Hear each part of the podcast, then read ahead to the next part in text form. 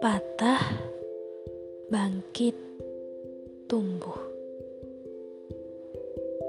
Kurasa itu memang siklus hidup semua manusia. Dan memang hanya diri sendiri yang bisa dan mampu memvalidasi segala rasa. Patah hati.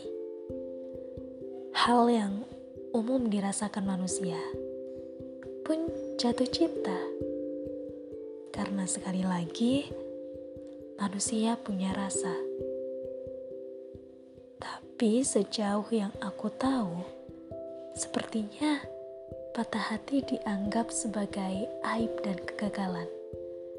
Orang-orang kerap kali menyembunyikan kepatahannya, mengabaikan emosi negatif, lalu ditutupi dengan emosi positif.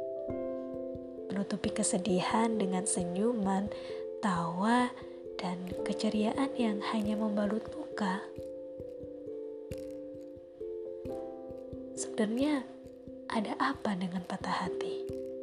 Toh, kisah sedih juga merupakan perjalanan hidup. Banyak hal yang bisa kita ambil dari patah hati. Patah hati membuatmu lebih menghargai momen saat jatuh cinta lagi. Patah hati membuatmu lebih peduli dengan diri sendiri. Sebab luka bukan tanggung jawab orang lain, kita yang harus menyelesaikannya. Patah hati juga membuatmu belajar untuk merelakan dan memaafkan. Jangan diabaikan, karena suatu saat dia akan hadir mengacaukan lebih dari yang kamu duga. Pun jangan sering menutupnya, karena dia akan menjadi luka yang akan meluapkan apa yang telah lama terpendam. Patah hati memang menyakitkan dan perlu disembuhkan.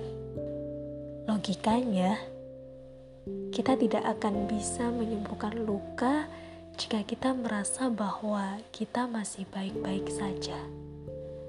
Akui lukamu dan pelan-pelan sembuh.